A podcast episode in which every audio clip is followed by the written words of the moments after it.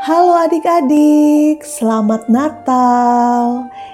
Kiranya sukacita Natal selalu kita rasakan ya.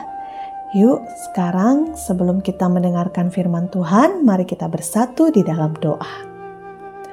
Bapa di surga, kami sungguh bersyukur karena kami selalu setia untuk mendengarkan firman Tuhan. Saat ini kami sudah siap mendengarkan firman-Mu, Berikanlah kami hikmat agar kami dapat mengerti dan kami siap melakukannya di dalam kehidupan kami.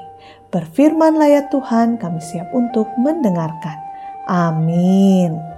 Nah adik-adik, yuk buka Alkitabnya. Pembacaan firman Tuhan hari ini terambil dari Matius 2 ayat 1 sampai ayat 12. Matius 2 ayat 1 sampai ayat 12. Ayo kita baca sama-sama. Sesudah Yesus dilahirkan di Bethlehem, di tanah Yudea pada zaman Raja Herodes, datanglah orang-orang Majus dari timur ke Yerusalem dan bertanya-tanya, "Di manakah dia, raja orang Yahudi yang baru dilahirkan itu? Kami telah melihat bintangnya di timur, dan kami datang untuk menyembah dia." Ketika Raja Herodes mendengar hal itu, terkejutlah ia beserta seluruh Yerusalem maka dikumpulkannya dikumpulkannya semua imam kepala dan ahli Taurat bangsa Yahudi. Lalu dimintanya keterangan dari mereka di mana Mesias akan dilahirkan. Mereka berkata kepadanya, "Di Bethlehem di tanah Yudea." Karena demikianlah ada tertulis dalam kitab nabi. Dan engkau Bethlehem, tanah Yehuda, engkau sekali-kali bukanlah yang terkecil di antara mereka yang memerintah Yehuda, karena daripada mula akan bangkit seorang pemimpin yang akan mengembalakan umatku Israel. Lalu dengan diam-diam Herodes memanggil orang-orang majus itu dan dengan teliti bertanya kepada mereka. Bila mana bintang itu nampak, kemudian ia menyuruh mereka ke Bethlehem katanya.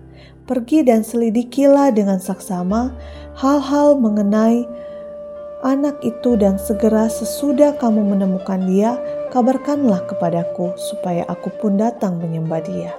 Setelah mendengar kata-kata kata-kata raja itu, berangkatlah mereka dan lihatlah bintang yang mereka lihat di timur itu mendahului mereka hingga tiba dan berhenti di atas tempat di mana anak itu berada.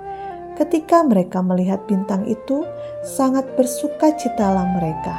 Maka masuklah mereka ke dalam rumah itu dan melihat anak itu bersama bersama Maria, ibunya, lalu sujud menyembah dia.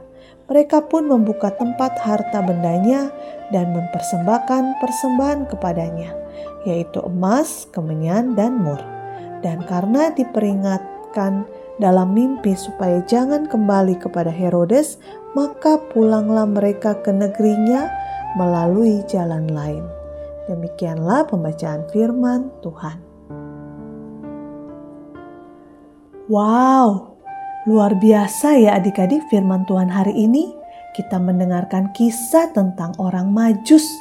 Mereka dari tempat yang jauh, mereka bisa mencari dan menemukan di mana Yesus berada dan mereka tidak datang dengan tangan kosong.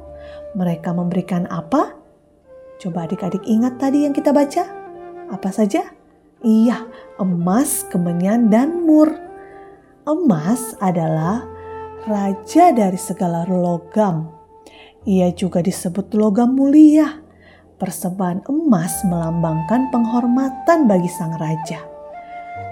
Kemenyan adalah getah berwarna putih atau kuning muda yang diperoleh dengan cara menoreh kulit kayu pohon Boswellia carteri yang terdapat di Arabia bagian barat daya. Kemenyan rasanya pahit tetapi berbau harum. Kemenyan adalah unsur ukupan yang kudus dan dibakar pada saat mempersembahkan korban sajian persembahan kemenyan melambangkan penghormatan bagi sang imam. Mur adalah getah berwarna kuning kecoklat, kecoklatan dari torehan pada pohon Komipora mir, mirah. yang merupakan tumbuhan asli Arabia Selatan. Getah yang menetes dari pohon yang akan mengental berwarna kuning kecoklatan dan berminyak. Getah mur berasa pahit tetapi baunya harum. Mur dipakai sebagai wewangian untuk orang mati. Persembahan mur melambangkan penghormatan bagi orang yang mengorbankan diri untuk keselamatan dunia. Wow, ternyata persembahan dari orang Majus punya arti ya, dan artinya itu luar biasa. Itu adalah persembahan yang punya uh, simbol bahwa ini bukan persembahan biasa, ini persembahan untuk orang yang luar biasa, yaitu seorang raja. Wah, keren ya! Kita mau sungguh-sungguh datang kepada Tuhan karena Dia adalah Raja yang telah lahir ke dunia ini. Adik-adik, apa yang sudah adik-adik persembahkan untuk Tuhan? Yuk, kita mau mempersembahkan hidup kita ya. Mempersembahkan apa yang tuh sudah Tuhan berikan dalam diri kita, seperti talenta, seperti kepintaran, untuk memuliakan Tuhan. Yuk, sama-sama kita mau katakan, hanya Dia yang layak untuk disembah dan dimuliakan. Sekali lagi ya adik-adik, hanya Dia yang layak untuk disembah dan dimuliakan. Mari kita berdoa. Bapa di surga, kami bersyukur untuk firman yang kami dengarkan. Kiranya kami boleh selalu memuliakan Tuhan, mempersembahkan yang terbaik yang sudah Tuhan berikan di dalam diri kami.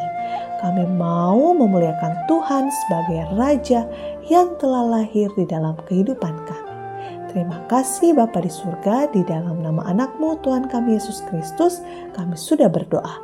Amin.